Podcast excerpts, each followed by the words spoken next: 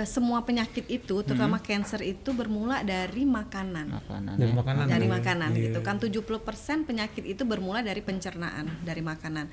Jadi makanan kita tuh harus sehat. Di samping yang lebih-lebihnya tuh eh, pola hidup lah. Eh, artinya istirahat cukup nggak stres nggak minum alkohol nggak ngerokok gitu kan.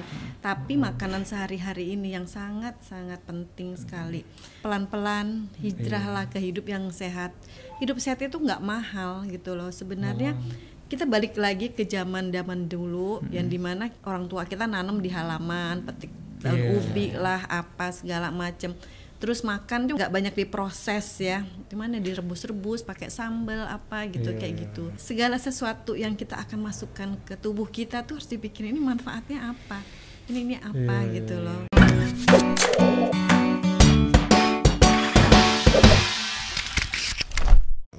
adalah salah satu pasien kanker ya dulu. Iya, saya survivor cancer. Survivor cancer ya Bu ya. Tapi hari ini Bu Kori itu menunjukkan sebuah ya inilah hal-hal yang dapat kita jadikan inspirasi karena punya beberapa usaha yang kurang lebih bagus nih dan baik untuk masyarakat. Apa tuh Bu kalau boleh cerita Bu yang Oh, Ibu iya. lakukan dan cerita mungkin dulu waktu Masih Kang eh, Awal-awal ya, ya. Bu, Oke. bagikan Ah. sedikit Bu bagaimana pengalaman. oh ya ah, Oke, jadi sekarang saya itu mm, menjadi petani ya, Petani. petani, organik dan hidroponik karena itu latar belakangnya tadi eh, yang cancer itu. Karena eh, setelah saya sembuh dari cancer dan saya baca-baca gimana caranya supaya tidak tidak kena lagi nih gitu kan ya. Jadi ternyata eh, semua penyakit itu, terutama cancer itu bermula dari makanan. Makanan. dari ya. makanan. Dari ya? makanan Iya. gitu kan. 70% penyakit itu bermula dari pencernaan dari makanan. Jadi makanan kita tuh harus sehat. Di samping yang lebih-lebihnya tuh eh, pola hidup lah eh, artinya istirahat cukup nggak stres nggak minum alkohol nggak ngerokok gitu kan. Tapi makanan sehari-hari ini yang sangat sangat penting sekali. Nah eh, terutama eh, harus cukup sayur dan buah Mm-mm. tapi yang sayur buah itu kalau yang eh, mengandung residu kimia juga percuma sama juga kita masukin mak Barang ini lagi ya, ya, Bu, masukin Iya, iya. penyakit lagi jadi pemicu lagi. Jadi karena di Batam ini susah nyari apa tuh nyari yang sehat, Sehat, yang ya. itu. Akhirnya saya tanam sendiri di halaman rumah saya. Oh, gitu awalnya kan. dari halaman rumah justru dari Bu. halaman rumah. Terus gitu saya bagi-bagikan ke tetangga dengan edukasi ya. Karena mereka kan juga ini ngapain sih? gitu kan ya kayak harus tan- eh, harus eh, makan kangkung yang kayak gini ngapain? Iya, gitu iya, kan iya. ya. Jadi saya eh, lakukan dengan edukasi juga. Dan saya juga punya komunitas cancer. Jadi eh, da- berangkat dari situ. Akhirnya lama-lama permintaan banyak akhirnya saya sekarang punya ya alhamdulillah punya GH sendiri dengan kapasitas sehari itu bisa sekitar 40-50 kilo lah sehari untuk panen. Terus gitu ada kebun organik juga karena ada beberapa orang itu dia nggak mau hidroponik karena bagi dia tanaman itu berasal dari tanah, jadi Tanah. harus cari tanah ada yang Oh. fanatik kayak gitu kan Sorry Bu, GH berarti tadi greenhouse ya. greenhouse Bedanya greenhouse sama si kebun organik ini apa Bu? sebenarnya kalau greenhouse itu jadi eh, bangunan yang sudah ditutup rapat sama yang anti hama terus pakai UV kenapa gitu karena kita kan nggak pakai eh, penyemprot hama insek. Jadi kita tuh iya. harus jaga bagaimana tuh hama tuh nggak masuk, Iya, iya, nah jadi itu kita kurung dia lah dikelambuin pakai GH Oh, tapi kalau eh, tadi kalau yang organik itu masih Eh, masih lebih ke alam, ya Alam ke ya, tanah-tanah tanah tadi gitu ya. ya. Tapi semuanya di sekitar pekarangan rumah juga ya Bu. At- Enggak lain lagi Oh, lain lokasinya. Jadi yang di halaman rumah sebenarnya gini loh, eh, sangat baik ya kalau semua rumah-rumah sekarang kan namanya urban farming ya, dihala ditanemin eh, sayur, apalagi cabai kan semua orang kan tidak pernah terlepas dari cabai. Cabai, iya. Dan cabai itu sementara harganya turun naik gitu kan ya. Jadi apa salahnya sih habis makan cabai tuh bijinya tabur-tabur aja lah di halaman gitu kan ya, tanam tumbuh ya, sendiri ya. tumbuh gitu kan. Bisa Iya, bisa menghemat eh, biaya rumah tangga dan kita dapat cabai sehat. Cabai. Bayangin untuk satu cabai rawit ya atau cabai merah atau apalah itu berapa banyak residu yang terkandung. Karena dia petani itu eh, pengusaha atau apalah gitu dia nggak mau rugi kan. Rugi, ya. dia nggak mau cabai itu artinya nanti gagal panen. Jadi terus di Semprot, ini Ibu. semprot terus. makin mau panen makin Hmm. disemprot supaya segar terus. Apalagi kalau cabai-cabai kita beli dari luar Hmm. eh, Batam ya. Nah kemudian sampai di pasar udah kena lagi terus sampai di tukang gorengan itu nggak dicuci loh. Iya. kita makan gini. Nggak steril lah ya bu. ya. tanpa dosa kan kita makan kayak gitu kan. Nah tiap hari. Memang memang tuh efeknya tuh nggak langsung langsung sakit atau apa tapi akumulasi dari situ. makan gorengan minyak yang minyak trans Iya, iya. trans minyak gitu ya Udah gitu dipakai ya. lama gitu ya bu ya? Pakai lama gitu. Jadi ya itulah saya mau mengedukasi ya mengedukasi Hidup sehat. eh, supaya orang itu ya pelan-pelan hijrahlah ke hidup yang sehat. Hidup sehat itu nggak mahal gitu loh. Sebenarnya kita balik lagi ke zaman zaman dulu yang di mana kita orang orang tua kita nanam di halaman, petik daun Iya. ubi lah apa segala macem. Terus makan tuh nggak dibanyak nggak banyak diproses ya, di mana direbus-rebus pakai sambal apa gitu Iya, kayak iya. gitu. Semua natural ya bu. ya. Iya. Bu, tapi ini aku mau nanya nih Bu, waktu mungkin kita agak flashback dikit Bu ya. Kalau mendengar Ibu kadang aku jadi ingat soal kesehatan nih Iya, jadinya. ya. jadi takut juga wa- sih. oh, oh, jadi takut kan Bang.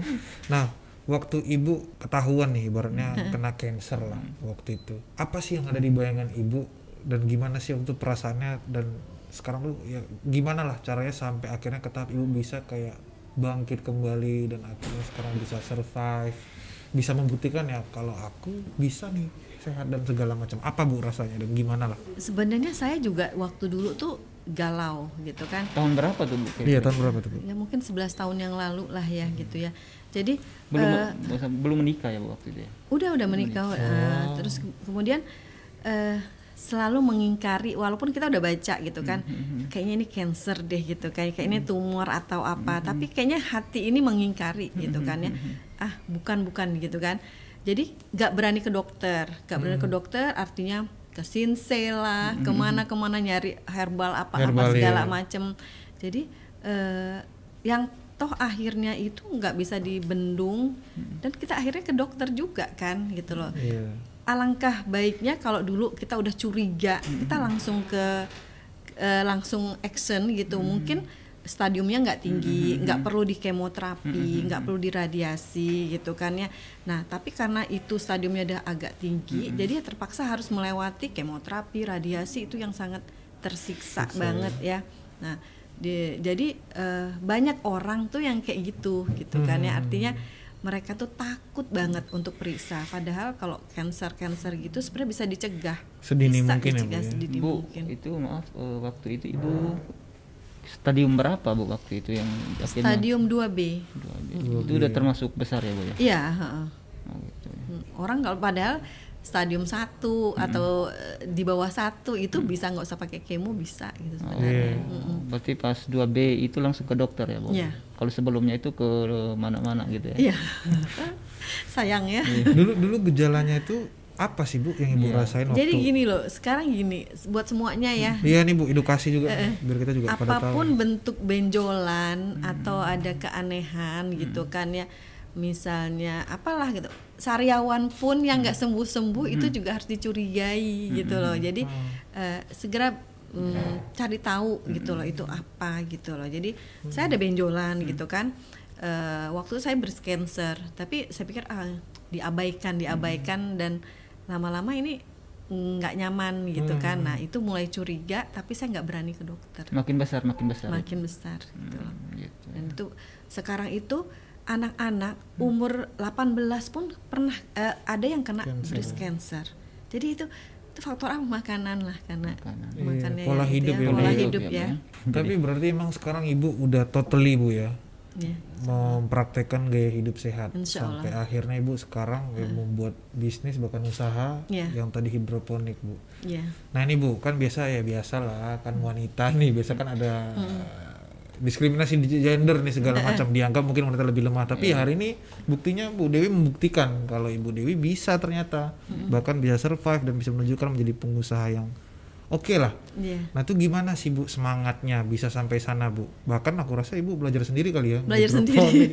Itu gimana? inspirasinya apa bu Ah. sampai bisa buat hal-hal yang Iya. berlatar belakang dari itu bu Semakin kita belajar, semakin kita eh, kita cari tahu eh, bahwa eh, ya itu untuk semangat untuk hidup sehat itulah yang bikin saya itu terinspirasi dan semangat banget untuk eh, menyediakan semua yang sehat gitu loh. Iya. Bahkan eh, di rumah pun garam, gula semua saya udah ganti gitu loh. Jadi yang kayak gitu dan saya tidak ingin sendiri, pengennya berbagi ke semua gitu kan. Eh, jadi saya tiap hari kampanye nih.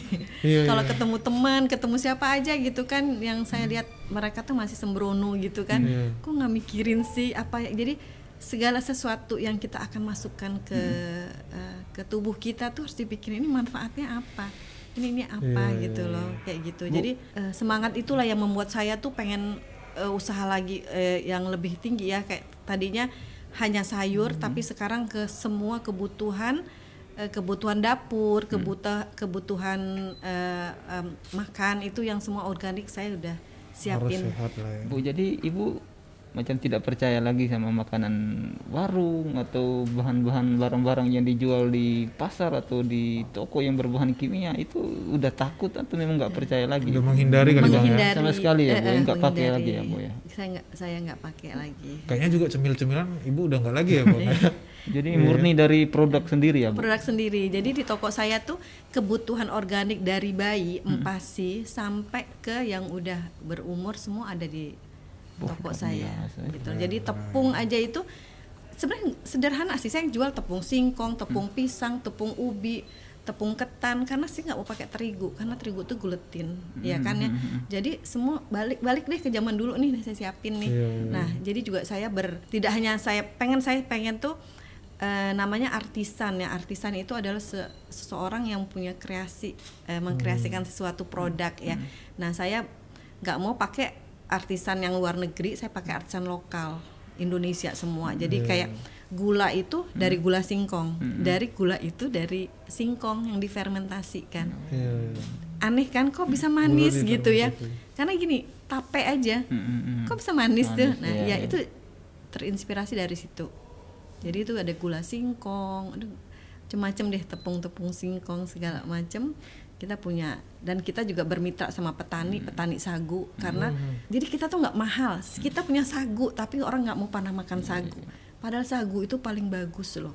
Mhm. gluten free loh.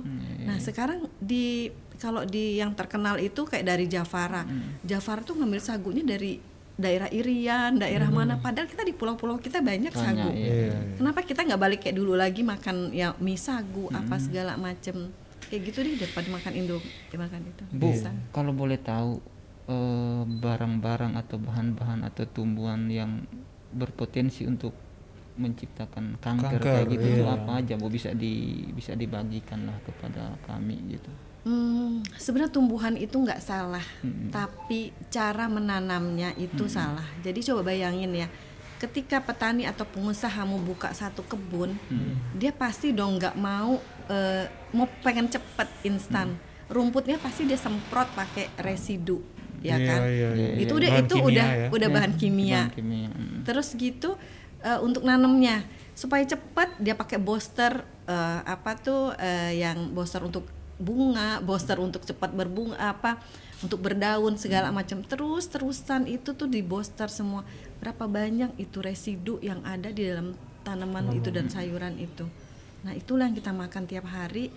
Ya memang kita nggak ngerasa langsung sakit tapi tunggulah Ke depannya 20 tahun 30 tahun ya sakit ini sakit itu. Nah kenapa kita nggak usaha dari sekarang sih dari muda-muda gini Iya, gitu loh Berarti emang bang kita harus ngejaga nih. Kadang masih lihat nasi padang, Nasi kita Padang, ngiler aja iya. bang Tom, bang Tom. Iya, iya. Kacau nih bang Tom masih muda. Nanti kalau udah, nyes- udah kena baru nyesel bu ya.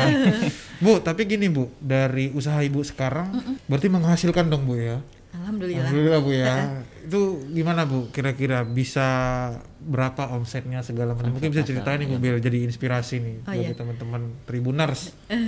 jadi apa saya sebenarnya usaha saya itu eh, sekarang tuh udah alhamdulillah dibantu anak-anak saya. Iya. ya kan?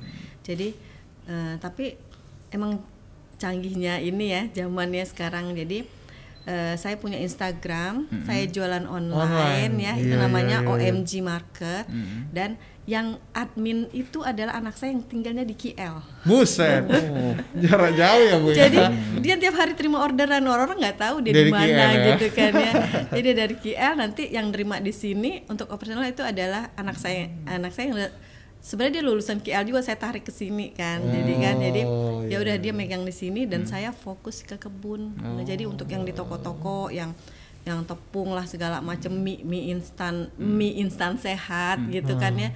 Semua itu anak saya yang handle di sini. Dan kita masuk ada beberapa beberapa apa outlet di Desi Mall di Diamond terus gitu di Panbil terus gitu kita juga eh, kerjasama dengan apa restoran-restoran salad ya. Oh, iya. Eh, iya, iya, kan iya. mereka tuh pengen kalau yang dia jual salad saladnya itu yang seger terus tiap hari gitu kan petik dari kebun langsung ke piring ya kan.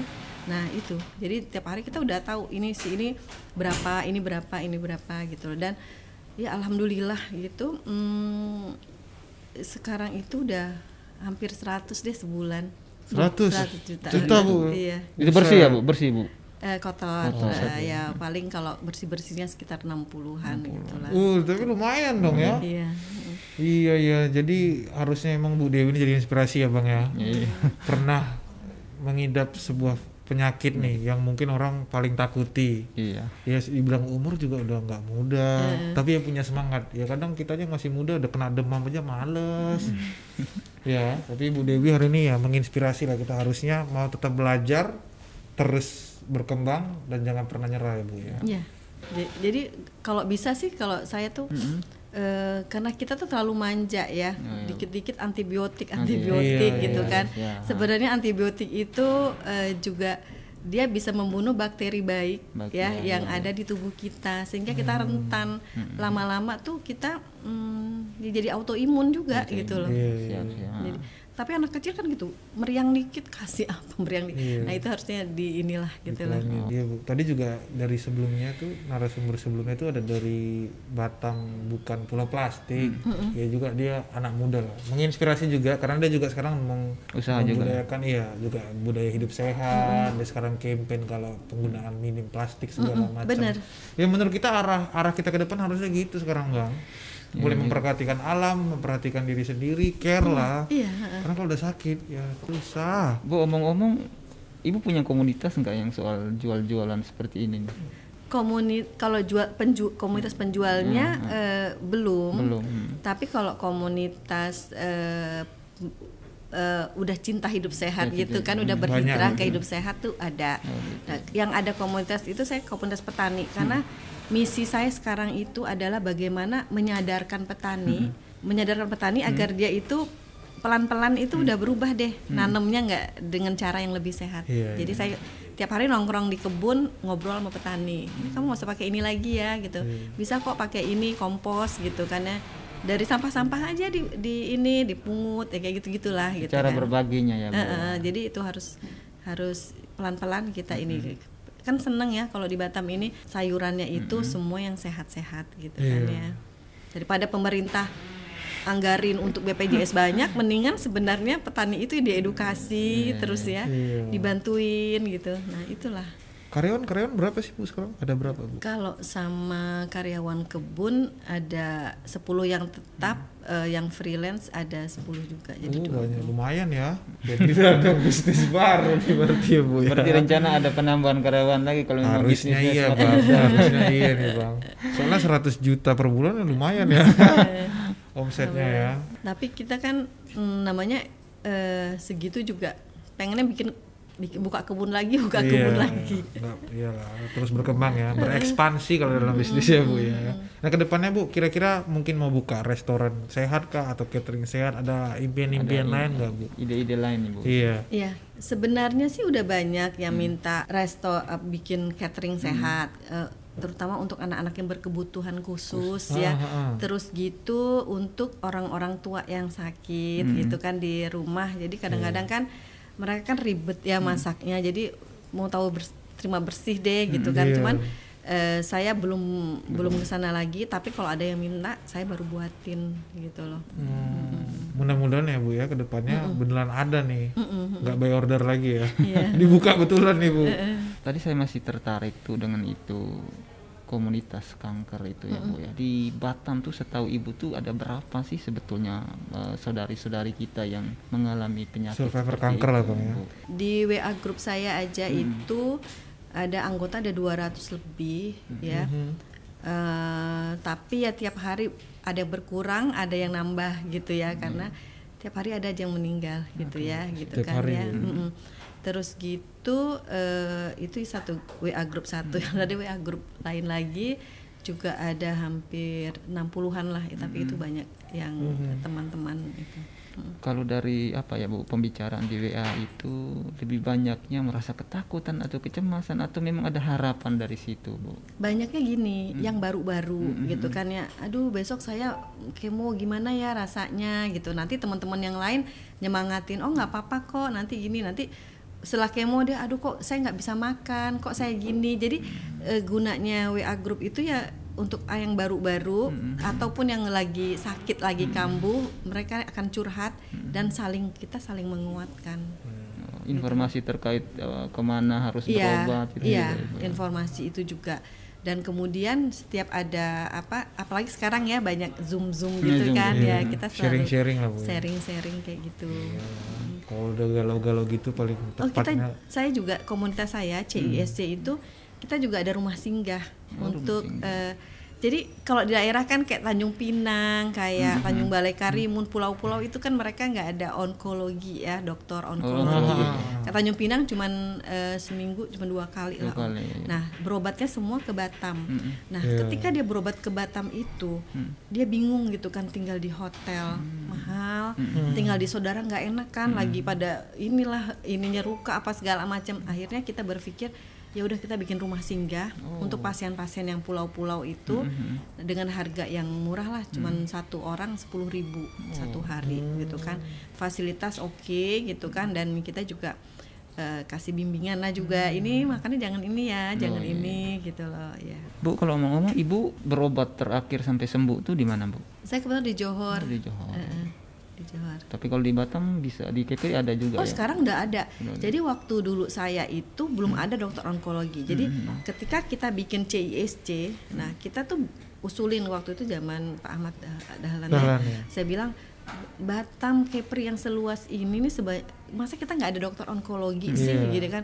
Jadi kalau orang-orang yang punya uang ya Hmm. mungkin dia bisa ke Singapura, ke Malaysia. Tapi kalau yang nggak ada kan ke Jakarta agak jauh ya Iya, ke Medan. biaya tinggi ya Bu. Iya, akhirnya sekarang udah ada, udah ada tiga atau empat dokter onkologi. Onkologi. ya. Satu lagi nih kira-kira mulai awal sampai akhir tuh bisa berapa biayanya yang bisa dikeluarkan untuk proses konsultasi, lalu kemo dan sebagainya sampai akhirnya bisa sembuh itu Bu. ya.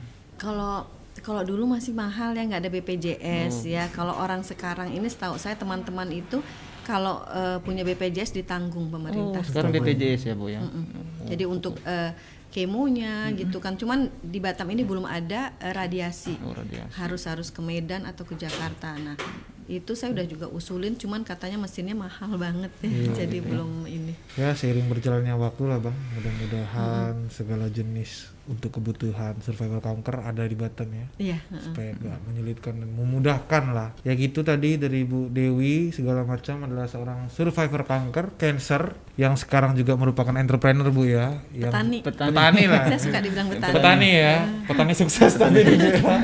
petani yang bisa menghasilkan omset sampai ratusan juta loh ya berarti buat teman-teman tribuner segala macam di luar sana jangan pernah nyerah. Nyerah. sekalipun ya Hmm, ada hal-hal yang menimpamu sakit. Ya sekarang buktinya Bu Dewi nih. Iya. sampai akhirnya sukses bahkan sekarang sama anak-anaknya malah berkolaborasi go digital lagi. Apa tadi Bu? Nama usahanya Bu? OMG Market. OMG Market ada Instagramnya Bu? Ada. boleh nanti di follow tuh OMG Market punya Bu Dewi. Mungkin ini main-main juga ke kebunnya di mana? Barelang Bu. Di Tiban ya Bu ya. Tiban ya. Tiban dan Barela.